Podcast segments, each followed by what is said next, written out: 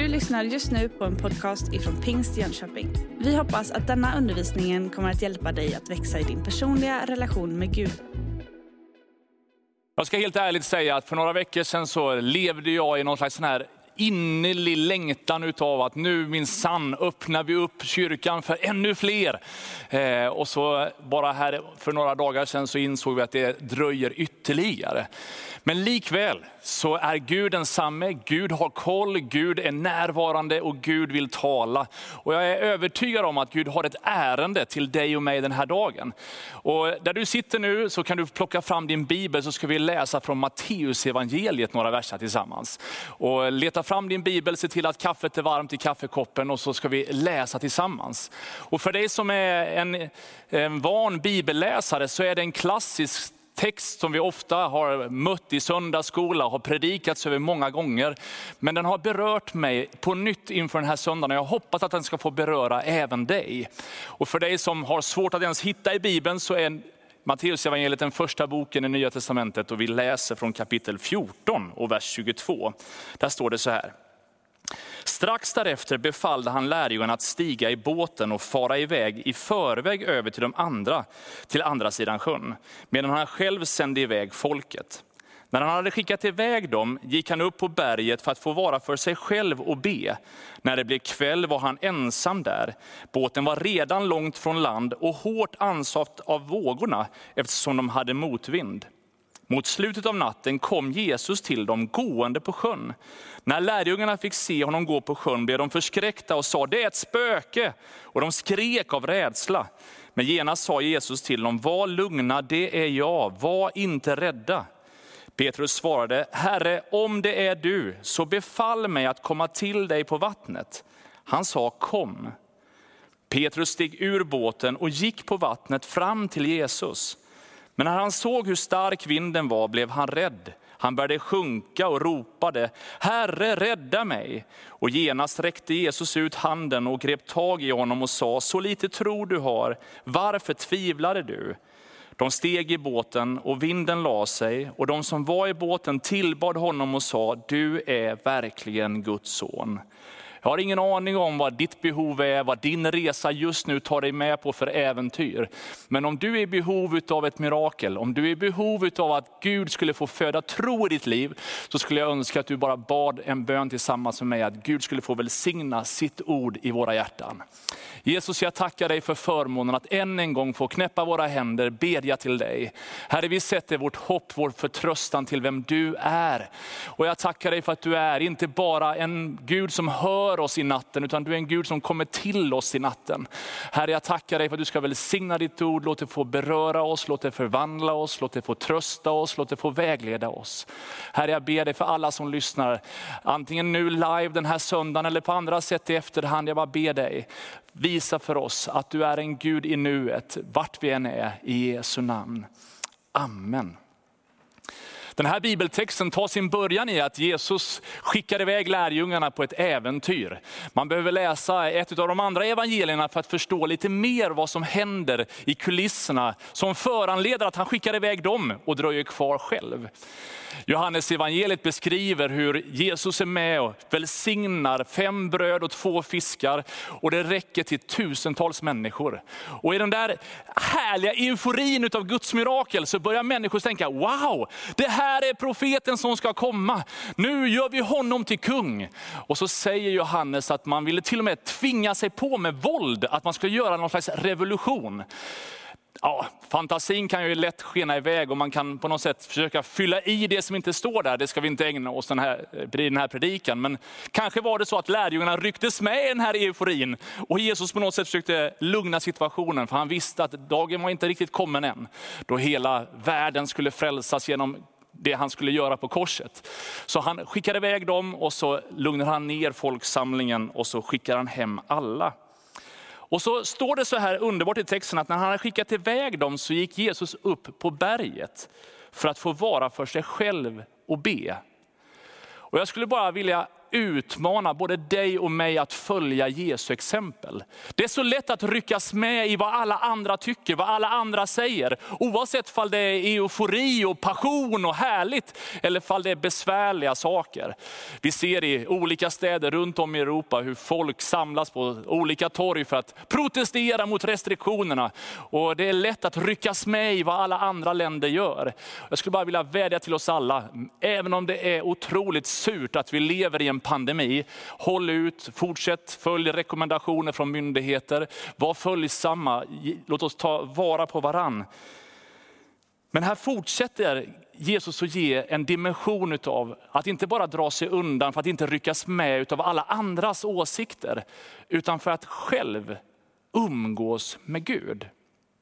Är det en sak som jag har blivit påmind om under den här konstiga perioden av pandemi, det är kraften i det fördolda livet med Gud. Att Gud faktiskt själv uppenbarar sig i mångfalden. Det är tillsammans med alla de heliga som vi förmår att fatta ännu mer om vem Gud är. Men ändå kan Gud väldigt starkt tala till oss personligen där vi är. Och Jesus han sökte sig till den platsen. Och jag tänker om Jesus, Guds son, känner behovet av att dra sig undan, få vara för sig själv för att be till Fadern. Hur mycket mer behöver då inte jag det? Hur mycket mer behöver inte jag då umgås med honom? Ja, Jesus han undervisar i Matteus evangeliet 6 och han talar om att gå in i sin kammare, stänga sin dörr och be till din far som är i det fördolda. Då ska din far som ser i det fördolda belöna dig. Och när ni ber ska ni inte be, rabbla tomma ord som hedningarna. De tänker att de ska bli bönhörda för sina många ords skull. Var inte som dem, för er far vet vad ni behöver innan ni ber om det. Det finns ett fördolt rum som vi uppmuntras att kliva in i. Och Det innebär inte att det liksom är så hemligt så att vi skäms över det, men att någonstans få vara personlig och få vara själv med Gud. För så fort det är massa andra människor så tänker vi på vilka kläder vi har och hur vi uttrycker oss. Och det är ju helt naturligt, det är en del av det sociala sammanhanget som vi rör oss och är en del av. Men Gud vill inte att vi ska liksom på något sätt göra oss till och skärpa till oss, utan han vill att vi ska vara ärliga, söka hans hjärtslag, vem han är. Och min fråga är vad du och jag gör för att hitta den där ensamma tiden med Gud. Att få vara för sig själv. Hemma i min familj så är vi flera stycken och eh, vi har olika dygnsrytm. En femåring har sin väckarklocka och en tonåring sin. Vilket innebär att det känns som att det alltid är någon vaken i vårt hus. Hur ska jag då göra för att vara ensam med Gud? Och här finns det inga religiösa mönster och lagar som styr, utan du får hitta ditt sätt, du får vara kreativ och Gud kommer kunna komma dig till mötes på så många olika sätt. Jag har märkt själv, i det mest vardagsnära av sysslor så kan Gud ändå uppenbara sig, om jag är beredd att någonstans stanna upp lite grann.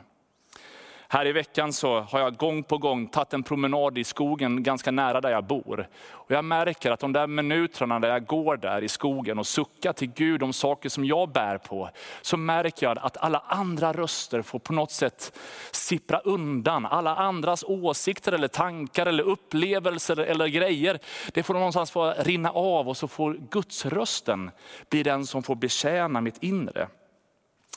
En av mina själavårdare som jag har använt genom livet när jag har hamnat i lite konstiga situationer. En gång så berättade jag om min situation och så sa jag att det är så svårt att hålla koncentrationen i bön. För så fort jag ber så är det som att alla de här tankarna bara snurrar och snurrar och snurrar. Och kanske känner du igen dig i det, att man, just när man ska be så kommer man på så många saker som man skulle behöva göra.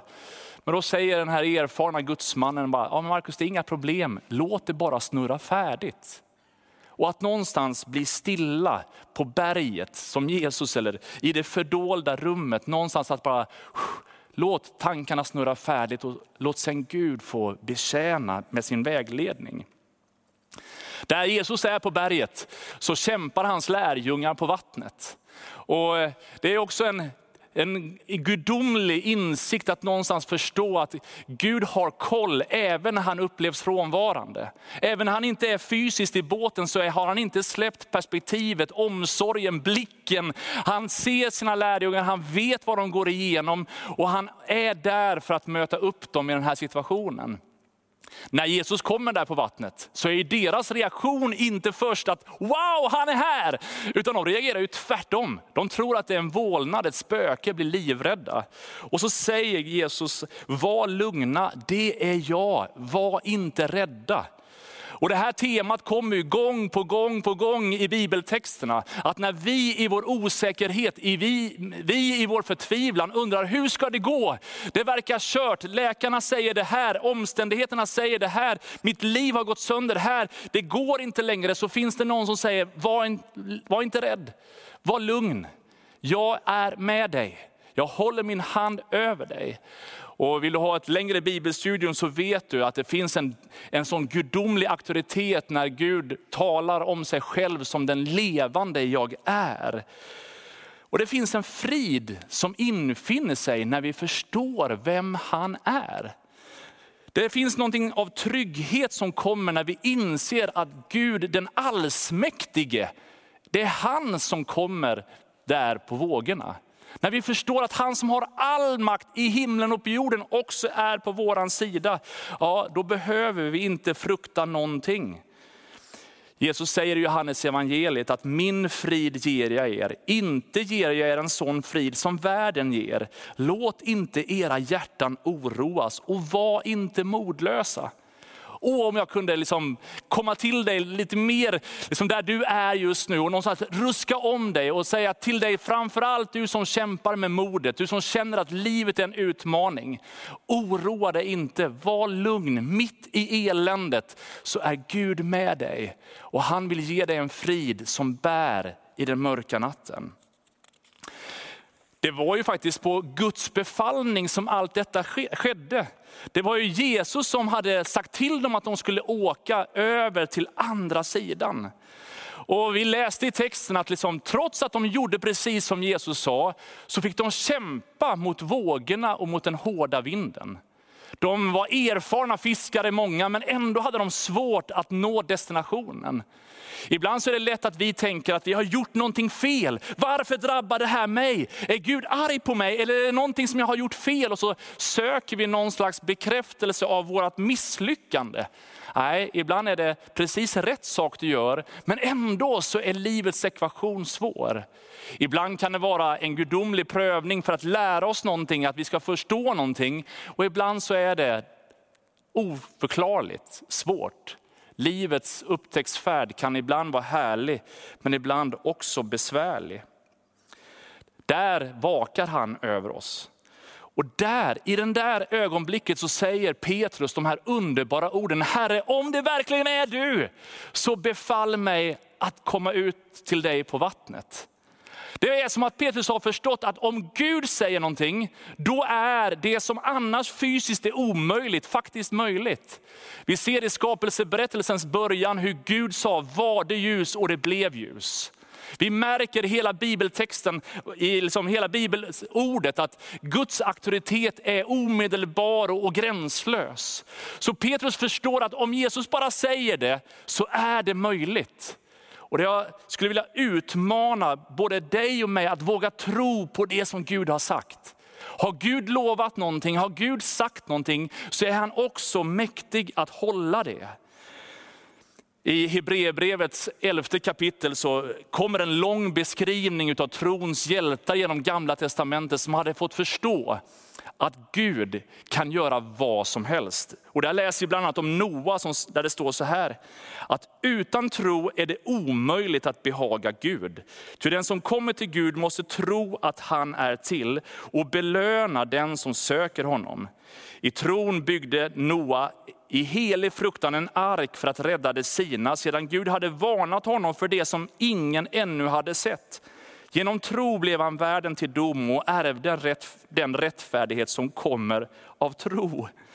Jag tror inte någon är smart nog att liksom bygga en båt som är liksom 150 meter lång, långt bort från allt vad vatten heter. Det gör man bara om man har förstått att om man har Gud sagt det, då kommer det att ske. Och Det är den där övertygelsen som jag skulle önska att du och jag fick präglas av. Att har Gud sagt någonting kan det verka totalt omöjligt.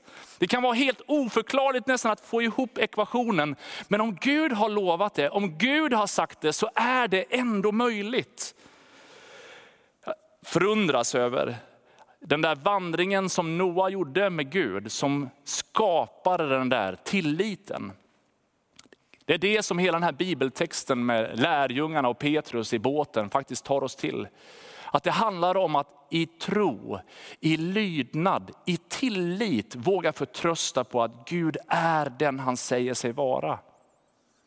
Det är ganska mänskligt tror jag att vi vill ha kontroll. Vi vill ha lite vetskap om hur, hur ska vi göra med det här och hur blir det där.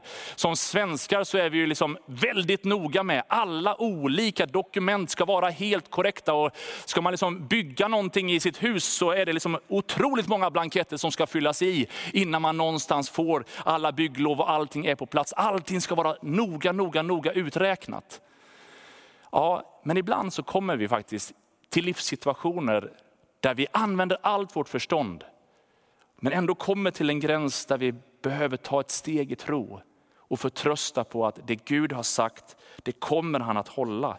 Och ju mer jag vandrar med honom, ju tryggare blir jag på att både hans kraft och hans makt kommer att bli uppenbarad.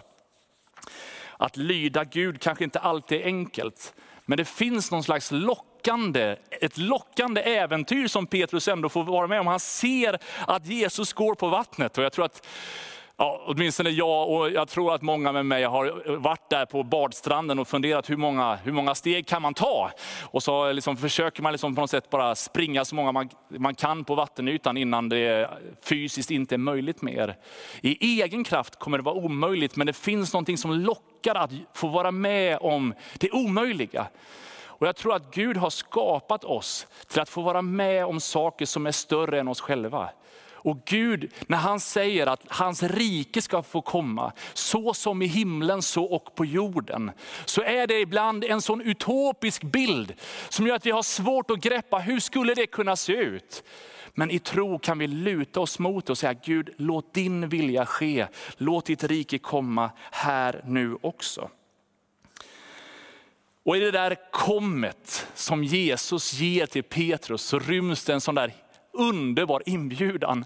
Vi behöver inte sitta i båten och fundera på hur spännande livet skulle kunna vara med Gud, utan Jesus säger kom. Det övernaturliga livet som jag lever, den verklighet av gudomlig uppenbarelse som jag äger, den vill jag inbjuda dig till. Vi behöver inte vänta till evigheten för att erfara Guds närvaro, utan i Kristus Jesus finns det ett kom som säger kom till mig, uppfylls av mig, berörs av mig, var tillsammans med mig. Åh, om du den här söndagen skulle kunna förstå hur mycket Gud längtar efter dig och mig i det som är hans äventyr med oss. Det är både oväntat och omöjligt fysiskt, det Petrus får vara med om. Men tänk vad många möjligheter som öppnas när Gud är på vår sida.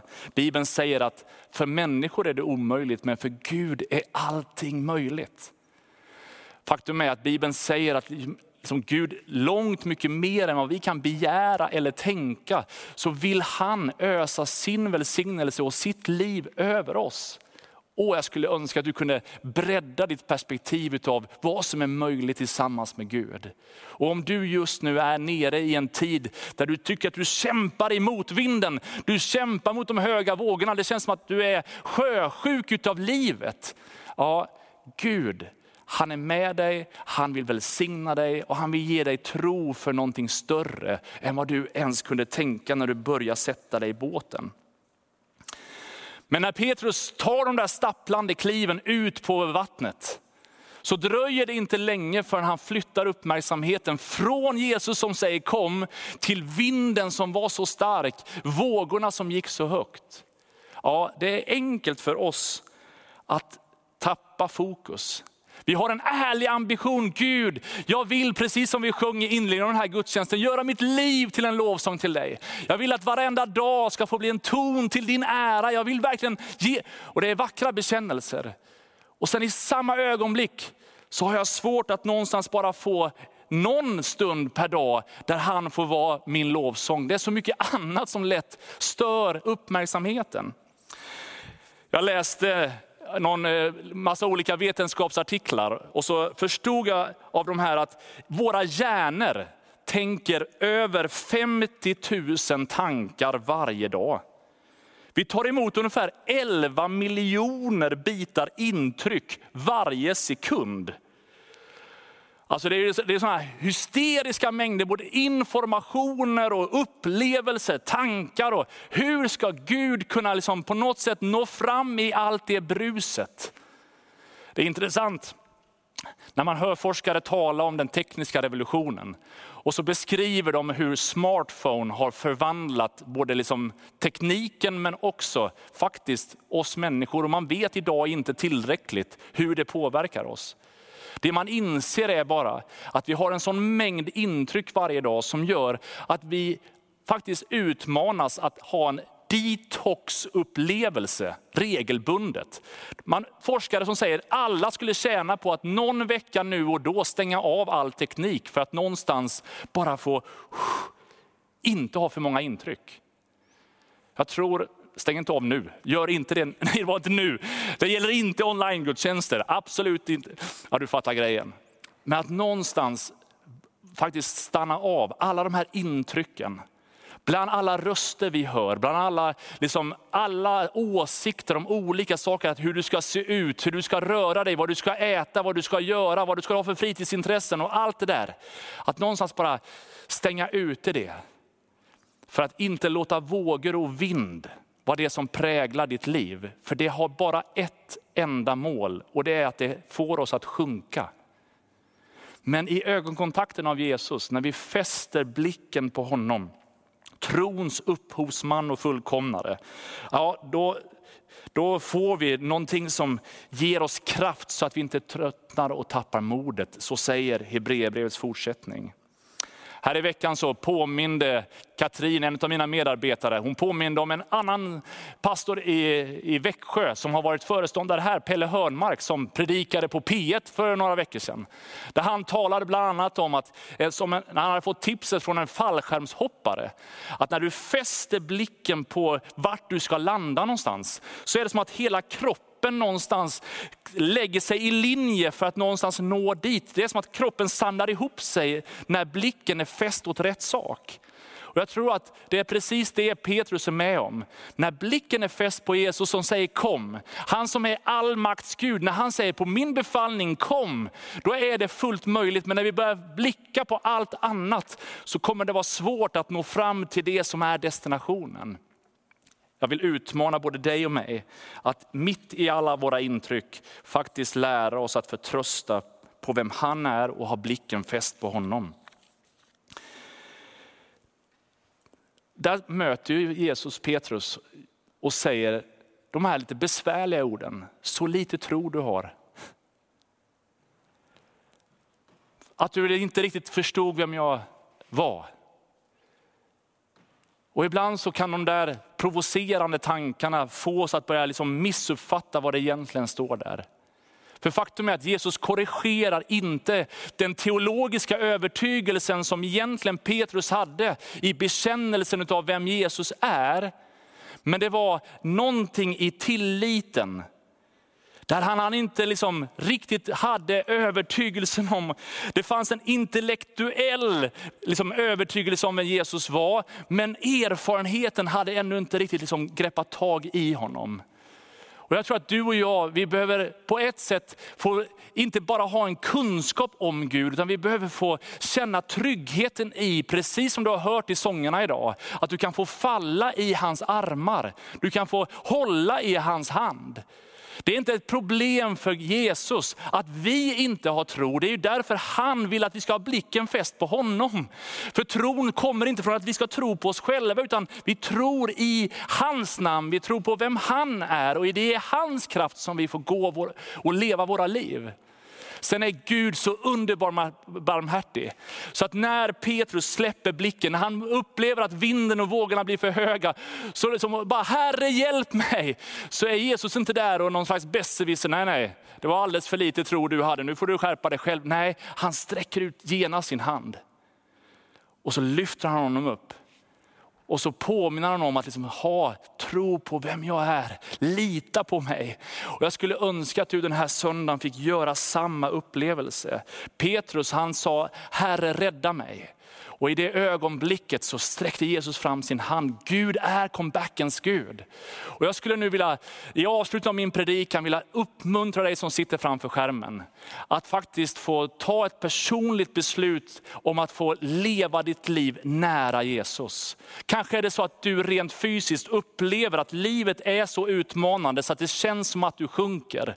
Men att du i det här ögonblicket skulle få göra som Petrus, Herre hjälp mig. Att du skulle få räcka din hand till honom och där du sitter framför skärmen just nu så kan du, om du vill att vi ska be en enkel bön för dig, med dig, så kan du få räcka din hand. Du kan få säga ditt ja, du kan få säga Herre hjälp mig, jag behöver dig i mitt liv. Och faktum är att även om vi är i en digital värld och jag är i ett rum och du kanske är i ett annat, så säger Bibeln att Gud är nära varenda en som ärligt söker honom med sitt hjärta. Så där du är nu, oavsett om det är i bilen, på promenaden eller i soffan hemma, så vill Gud verkligen personligen röra vid dig. Om en liten stund ska vi be en bön tillsammans och vill du så får du gärna räcka din hand där på skärmen om du vill vara med i den här förbönstunden. Vi har också värdar online som gärna vill möta upp dig om det är så att du följer den här sändningen live. Men faktum är att inledningen av texten var att människorna såg Jesus göra ett stort under och började tala om att han är nog den där profeten. Men i slutet av den här texten som vi läste från Matteus evangeliet så står det att du är verkligen Guds son. Man kan gå från att säga han till du. Man kan gå från att liksom ha en upplevelse av att han är nog profeten till att han är verkligen Guds son. Och om du vill göra den bekännelsen till din, om du vill fästa blicken i honom som håller sin hand över oss alla, så kan du där du är just nu bara klicka på knappen på skärmen eller fysiskt i soffan där du sitter, bara säga Jesus, jag behöver dig, jag vill ha dig i mitt liv. Och så ska vi be en bön tillsammans med dig att Gud skulle få visa dig vem han är. Du vet, tron den växer i erfarenheten av hans närvaro. Om du känner att är, du har lite tro, du har svag tro, du vet knappt vem Gud är. Ja, det är en bra början.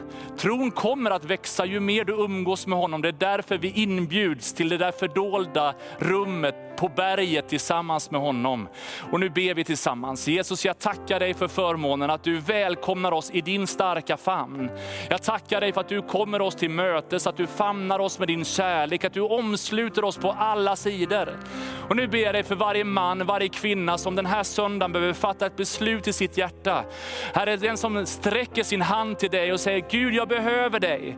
Jag håller på att gå under här. Du vet kanske sjukdomsbesked eller livssituationer som har varit så mycket motvind, så mycket höga vågor. Kanske är det gånger som man har upplevt att du känns avstånd, du känns långt borta Herre. Herre jag ber att du skulle komma sådär på vågorna som du gjorde till Petrus, in till varenda hjärta som törstar efter dig. Visa att du är en Gud på riktigt, visa att du är den levande guden och tala din frid, ditt lugn, din kärlek så som du gjorde den där gången till Petrus. Herre jag ber om din välsignelse över oss alla den här söndagen. Låt oss få leva ett liv där du är den starkaste rösten. Bland alla intryck, bland allting som försöker locka oss, som försöker få oss att flytta fokus. Herre, jag bara ber dig, hjälp oss att hålla kvar blicken på dig. Herre, vi tackar dig för att vi har din heliga Ande som en hjälp för att på olika sätt kunna fylla oss mer med dig och i den kraftlöshet som vi ibland själva kanske har, så har vi allting i dig. Herre, tack för din kärlek. I Jesu namn. Amen. Du har just lyssnat på en podcast ifrån Pingst Jönköping. För att få reda på mer om vilka vi är och vad som händer i vår kyrka så kan du gå in på pingstjonkoping.se eller följa oss på sociala medier via pingstjkpg.